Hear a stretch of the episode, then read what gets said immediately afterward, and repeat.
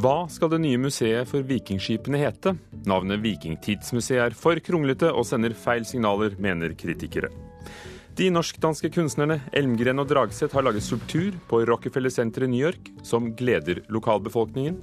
I think it's fabulous. It's great to have it New York. Elmgren and Dragset are two of the most important artists we have today, and it's really such a treat to have Ingen visste at den kjente forfatteren og jusprofessoren Jon Bing hadde en bok på lur da han døde for to år siden.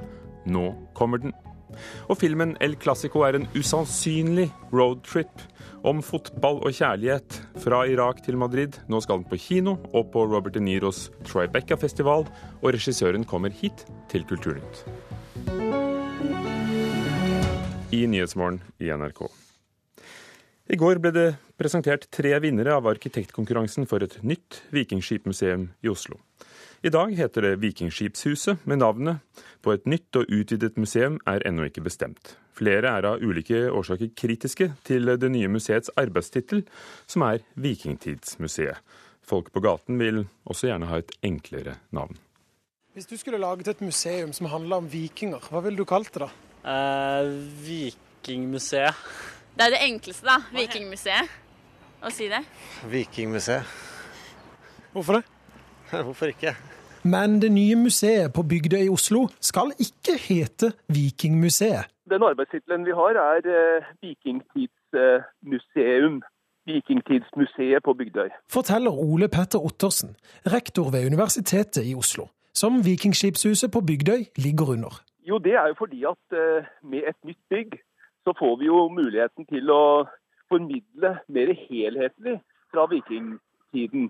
Ikke bare skipene og gjenstandene rundt dem, men også andre objekter som eh, kan gi et eh, enda mer fullstendig bilde av eh, denne veldig viktige epoken i Norges historie. Jeg synes ikke Vikingtidsmuseet er et godt navn. Knut Påske er arkeolog og forsker ved Norsk institutt for kulturminneforskning. Han har også tidligere arbeidet ved museet. Se f.eks. her, da. Her har vi norske 20-kroninger med Nils Aas sitt eh, Oseberg på forsiden. Altså Dette svinger du av. Alle ser hva det er med en eneste gang, et båt og et skip. Påske mener museet heller bør selge inn hovedattraksjonen i navnet. Hvis du ser rundt i Nord-Europa i dag, så tror jeg kanskje man har et hundretalls vikingtidsmuseer med stort og smått. Det som er unikt her, er jo at vi helt siden 1927, når Oseberg fikk sin plass ute på bygda, har hatt et vikingskipsmuseum. Altså det som vi har kalt Vikingskipshuset og Viking på engelsk. Og det er jo et varemerke jeg ikke ville ha kastet ut av vinduet sånn helt uten videre. Ja, det kan godt hende at det er argumenter som taler for at man finner et eh, annet eh, navn. Men det aller, aller viktigste det er å få fram gjennom en tittel at eh, dette er et museum som skal formidle fra vikingtiden på en mer helhetlig måte enn det som er mulig i dagens lokaler. Svarer Ottersen. I går presenterte Statsbygg tre alternative tegninger til hvordan det nye, utvidede Vikingskipsmuseet, eller Vikingmuseet, eller Vikingskipsmuseet kan bli seende ut, når det etter planen skal stå ferdig tidligst i 2021. Jeg liker jo Vikingskipsmuseet, jeg, da. Sier Bente Bratland Holm, administrerende direktør i Visit Oslo, som arbeider med å markedsføre Oslo for å få utenlandske turister til å komme hit. Hun er skeptisk til navnet Vikingtidsmuseet. Jeg forstår jo hvorfor de har kalt det det, men eh, om det er salgbart i framtida, det kan man jo kanskje ta en runde eller to på. Hun tror også den engelske versjonen av det navnet kan bli litt kronglete. Viking Age Museum, kan det funke, da? Kanskje ikke hørtes så smellfjongt ut som på stående fot. Men inntil navnet på museet er skrevet i runesten, åpner Ole Petter Ottersen nå opp for nye forslag. Alle innspill, alle ideer rundt hva som skal bli den endelige tittel, de eh, mottas jo med takk. Reporter Christian Ingebretsen. Midt på Manhattan ble en skulptur avduket for få timer siden, det som blir eh, i går kveld, New York-tid, av, av et av verdens kanskje mest berømte ører, nemlig van Goghs øre. Det er eh, de dansk-norske kunstnerne Mikael Elmgren og Ingar Dragseth, kjent som duoen Elmgren og Dragseth, som står bak.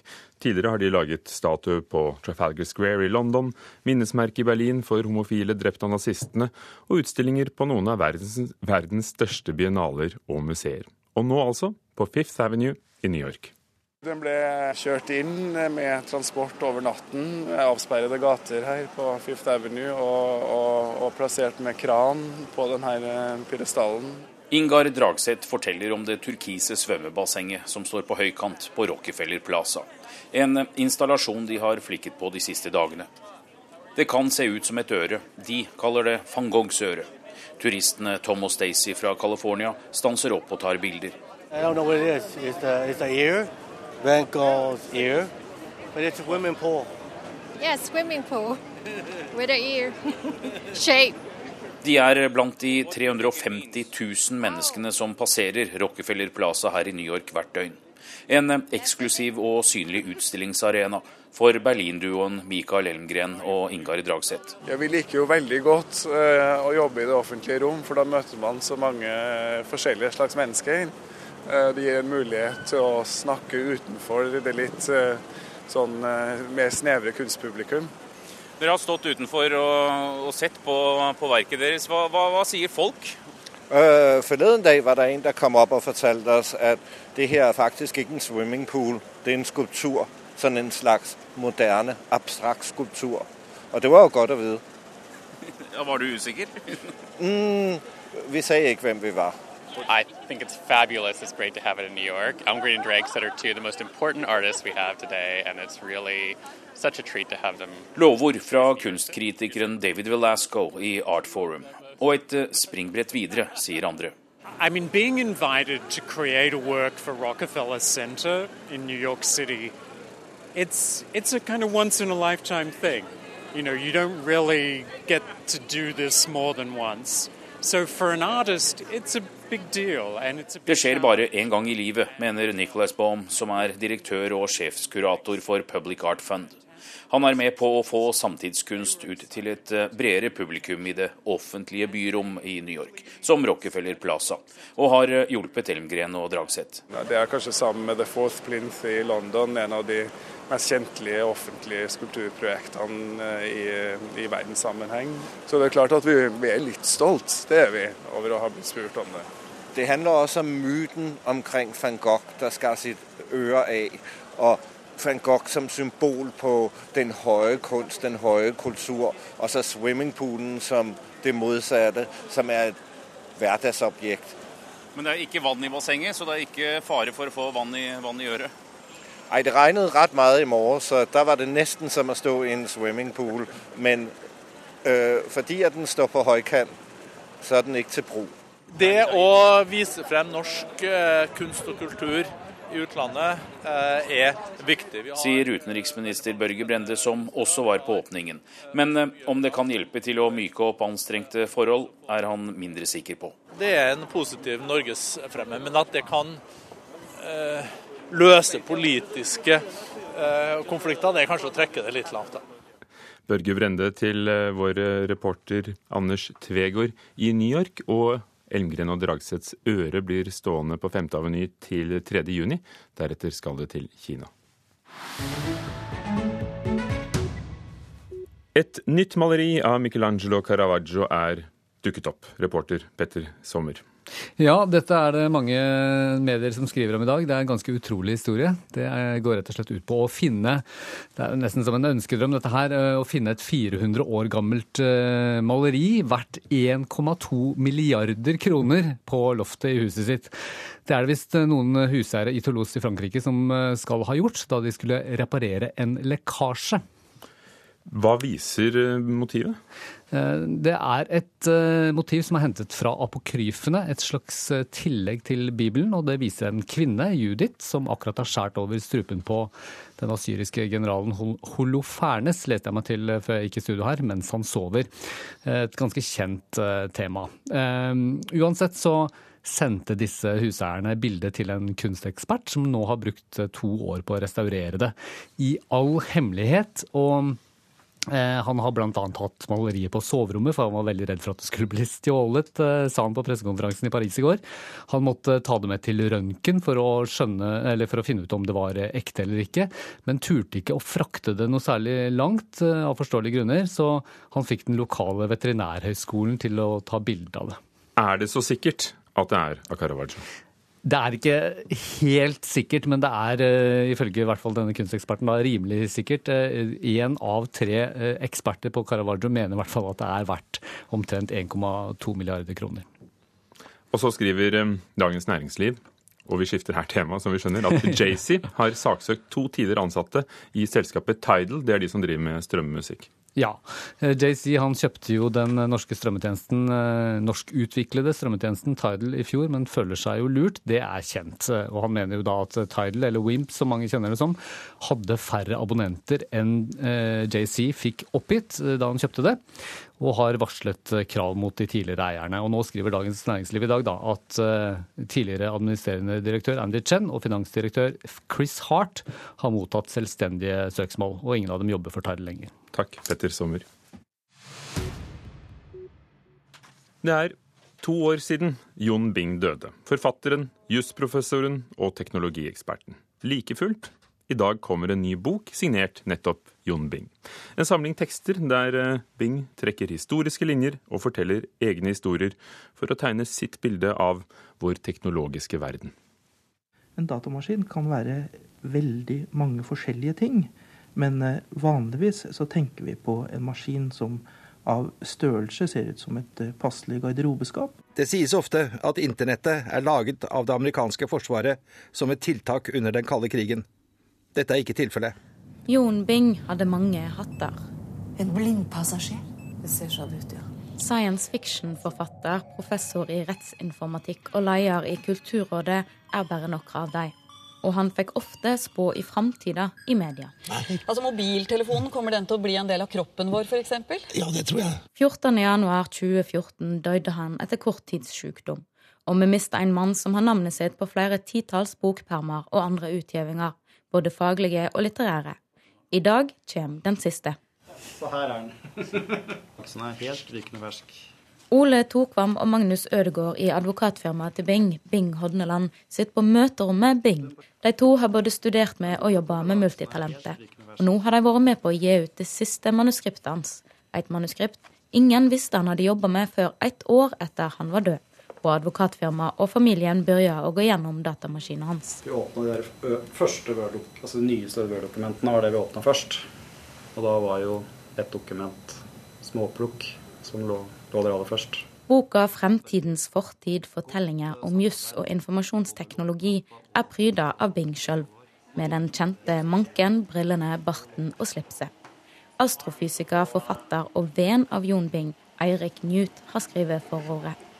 Eh, denne boken er jo eh, på sett og vis eh, Jon Bings siste refleksjoner rundt forholdet mellom teknologi og samfunn. Og rett og slett hvordan teknologien oppstår, og så begynner å forme samfunnet og oss. Det er en nerdete bok.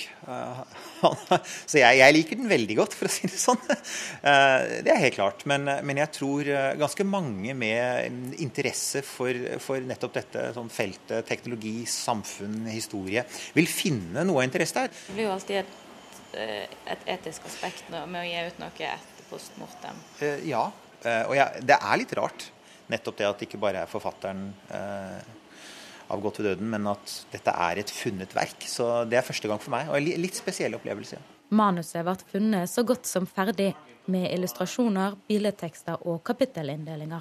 Lite er endra før utgivinga. Det var jo skrevet som en bok, og Jon Bing har alltid vært en veldig eh, foregangsmann for å få publisert arbeider eh, hele tiden. Det har vært en av hans på en måte, store eh, Eh, kjepphester at eh, ting må publiseres, sånn at andre kan få dra nytte av det og få glede av det. Og det var reporter Maria Pile Svåsand som hadde laget reportasjen om fremtidens fortid, den nye boken av avdøde John Bing. Klokken er allerede 17 minutter over åtte. Du hører på Nyhetsmorgen i NRK. Næringsministeren har sendt 17 spørsmål til styret i DNB. Flere av spørsmålene handler om bankens virksomhet i Luxembourg. Og kvinnen som ble reddet ut av et brennende hus i Rogaland i natt, døde senere på sykehus, melder NTB.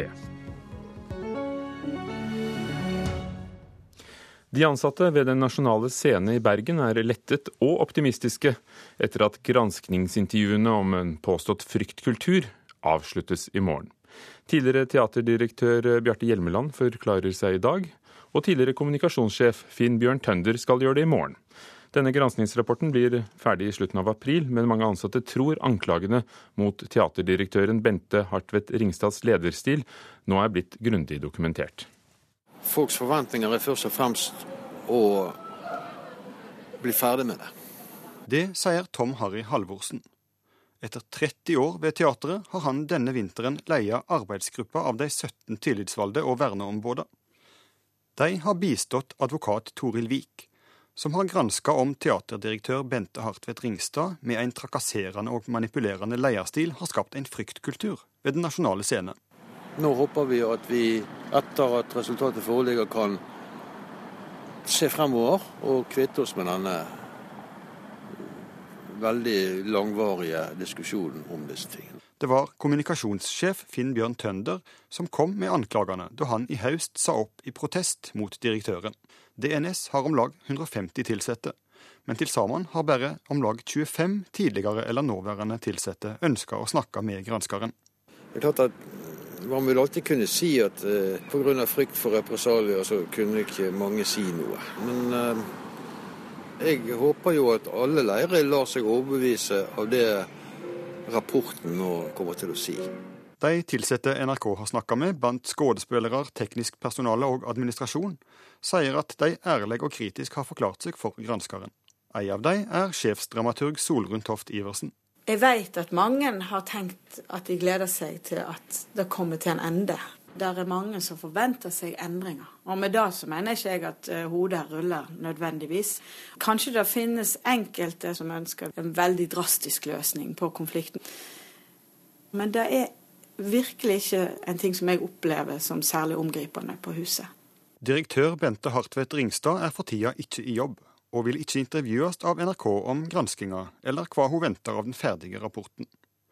Den skal etter planen bli presentert for teaterstyret i slutten av måneden.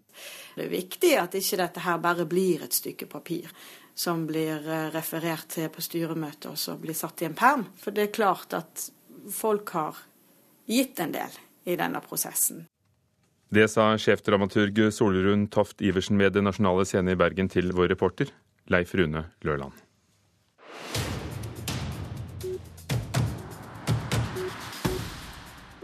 En debutant med en kjærlighetshistorie. Silje Årnes, Ånes Fagerlund har skrevet romanen 'Eneste', som skildrer et intenst forhold og hvordan det tar slutt. Litteraturkritiker her i NRK, Marta Norheim, hva vekket din nysgjerrighet? Det var et, eh, noe jeg hørte en kollega sa at uh, denne kjærlighetshistorien var uh, en, en, dialog med uh, Thomas Espedals nyeste bøker. Han har jo flere ganger skrevet om stor kjærlighet som tar slutt. og så googla jeg dette litt og fant noen intervju med Silje Ånes Fagerlund, der hun også er inne på det at det kjærlighetsforholdet hun skildrer, er nettopp til Thomas Espedal. Og da blir det jo interessant. Eh, hvordan eh, skriver en, eh, en, annen forfatter om det samme forholdet? Altså, er det en, er det en grusom revansj? Er det en eh, historie som du kan kjenne igjen ifra bøkene til Espedal? Altså, eh, det er kanskje mer litterært enn personlig interessant, egentlig, for, for de som ikke kjenner dette paret. Men det er definitivt interessant å se disse to versjonene, da. Krever det forkunnskapen? Og krever du å ha lest Espedals bøker? Godt spørsmål. Ehm, jeg har jo lest dem, og det tror jeg gjorde at det var morsommere og mer spennende å lese denne. Men eh, nå tenker jeg så fort jeg kan her. Eh, jeg tror at eh, den står på egne bein også, ja. Det kan jo bli omvendt, at andre får lyst til å lese Espedal etter denne. Absolutt. Absolutt. Du sa kan det bli være revansj. Hva, hva, hva er det blitt? Hva slags bok er det blitt? Det er, det er, faktisk blitt eh, ei eh, veldig vakker og uironisk kjærlighetshistorie som eh, på ingen måte ønsker å si at eh, det er din skyld at jeg tok, måtte ta grep og, og, gjøre dette forholdet slutt. Det er ingen anklager. det er tvert imot en stor sorg over at dette ikke gikk. Så, så det er veldig du kjenner veldig godt igjen historiene, og, og det, er jo, det, er jo, på en måte trist for de som vil ha en type sånn skandalefaktor. Eh, for det er ingen skandalefaktor her. Men, eh, men eh, det er blitt altså en vakker historie. Så er det jo spennende med en debutant. Hvilke litterære kvaliteter har den? Den eh, er varierende, som de aller fleste eh, debutbøker er. Eh, hun er en dyktig debutant i den forstand at i perioder så ser du at her er det glimt av noe som kan utvikles videre. I andre perioder, og spesielt når hun ikke skriver om dette kjærlighetsforholdet, så blir det litt sånn flatt. Så, hun, så hun, hun, har vært avhengig av den nerven som ligger i det forholdet for å skrive godt, men, men da skriver hun godt. Er vi inne i en tid med mange personlige og kanskje noen ganger private fortellinger i litteraturen?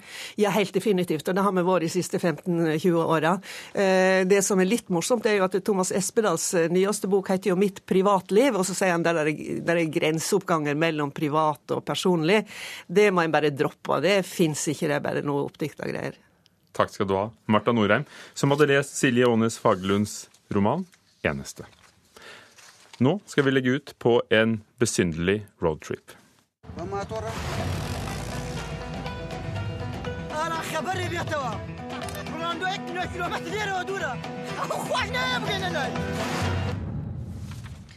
Dette er et bitte lite utdrag på kurdisk fra filmen El Clásico, som får norgespremiere over hele landet på kino nå på fredag, og som også skal vises på Robert De Niros kjente filmfestival Tribeca-festivalen i New York. El Clásico er jo, for de som eh, ikke visste fra før av, det klassiske fotballoppgjøret mellom Real Madrid og Barcelona i Spania. Regissør er norsk-kurdiske Halfkat Mustafa. Velkommen. Tusen takk. Hvordan fikk du ideen til en film hvor to fotballfans tar seg fra Kurdistan i Irak til Madrid for å se dette fotballoppgjøret? Det begynte med Jeg var i Kurdistan, i Erbil, eh, det nordlige Irak, for et helt annet prosjekt, enn dokumentarprosjekt. Og så sov jeg på hotellet, og plutselig våkner jeg skritt, og hele byen ble det slags trafikk og kaotisk. Så kom jeg inn i resepsjonen, og så spurte han hva som egentlig skjer. Og så sa jeg følger du ikke med i Clásico? Nei, sa jeg. Det er jo Real Madrid har vunnet kampen, sa han. Og så kom jeg ut av hotellet, så var det hele byen på en måte Ja. Det skjedde altfor mye denne kvelden. Og en uke seinere, når jeg kom tilbake til Norge, så kjøpte jeg en flybillett til Barcelona til kampen, og så så jeg den virkelige klassikeren, og så forstår jeg egentlig hvorfor folk fra hele verden ser på El Clásico. Men fra dette møtet med, med, en fotballkamp til å bygge en historie rundt uh, to brødre som du møtte. Hvem er de, og hvordan fikk du tak i disse skuespillertalentene, Allan og Shirvan, som de heter i, i filmen?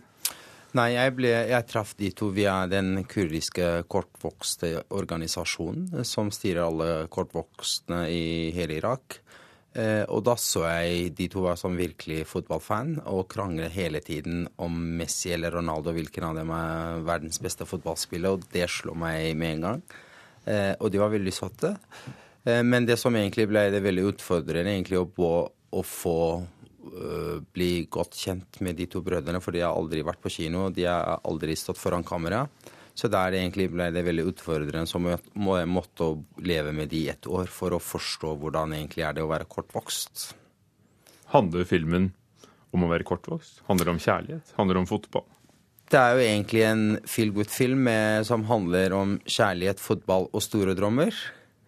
Eh, og ikke minst om to fantastiske mennesker som originalt brødre, som er med, med, seg store drømmer. Men for deg, Halkaft Mustafa, hvordan er det å bruke ett år på å bo med noen for å lage en historie, for å få dem til å bli skuespillere som de ikke var? Jeg er veldig opptatt av at ting skal se ekte ut, og opptatt av original story. Og det var det egentlig Altså, jeg må ha en reise med filmen, det er jeg veldig opptatt av. At jeg må reise som publikum.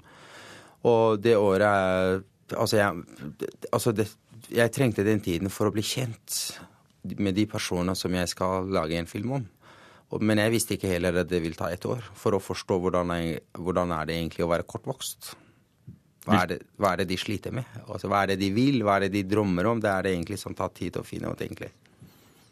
Sliter de, drømmer dine to brødre i filmen om andre ting enn enn det alle andre gjør? Absolutt. eh, Største problemet med å være kortvokst er jo egentlig at finne en eh, kjærlighet som, kan, som skal være høyt.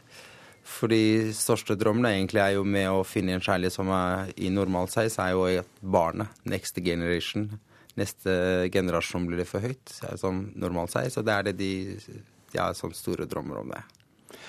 Nå skal filmen din ikke bare på kino over hele landet på fredag, men også på Tribeca-festivalen i New York. Hvilke forventninger har du til det? Jeg bare gleder meg så mye. Eh, og det er en av de viktigste og fantastiske filmfestivalene i Amerika. Så jeg bare gleder meg, og jeg gleder meg til å få den tilbakemeldingen fra den biten av verden også. Hva betyr det, tror du, for å, for å få filmen ut til folk? Nei, det betyr veldig mye. Vi har allerede fått uh, et møte med Sony Picture Classic i New York. Eh, Jeg ble overrasket når jeg fikk mailen fra Sony Picture, så jeg bare gleder meg så mye. Kanskje vi får en amerikansk distributør på plass. Og hovedskuespillerne er i Norge for premieren denne uken. Takk skal du ha, Halkaft Mustafa. El Clásico kommer altså på kino på fredag. Det var Kulturnytt i dag her i Nyhetsmorgen. Stine Traalt var produsent, Ugo Fermariello programleder. Klokken er straks halv ni.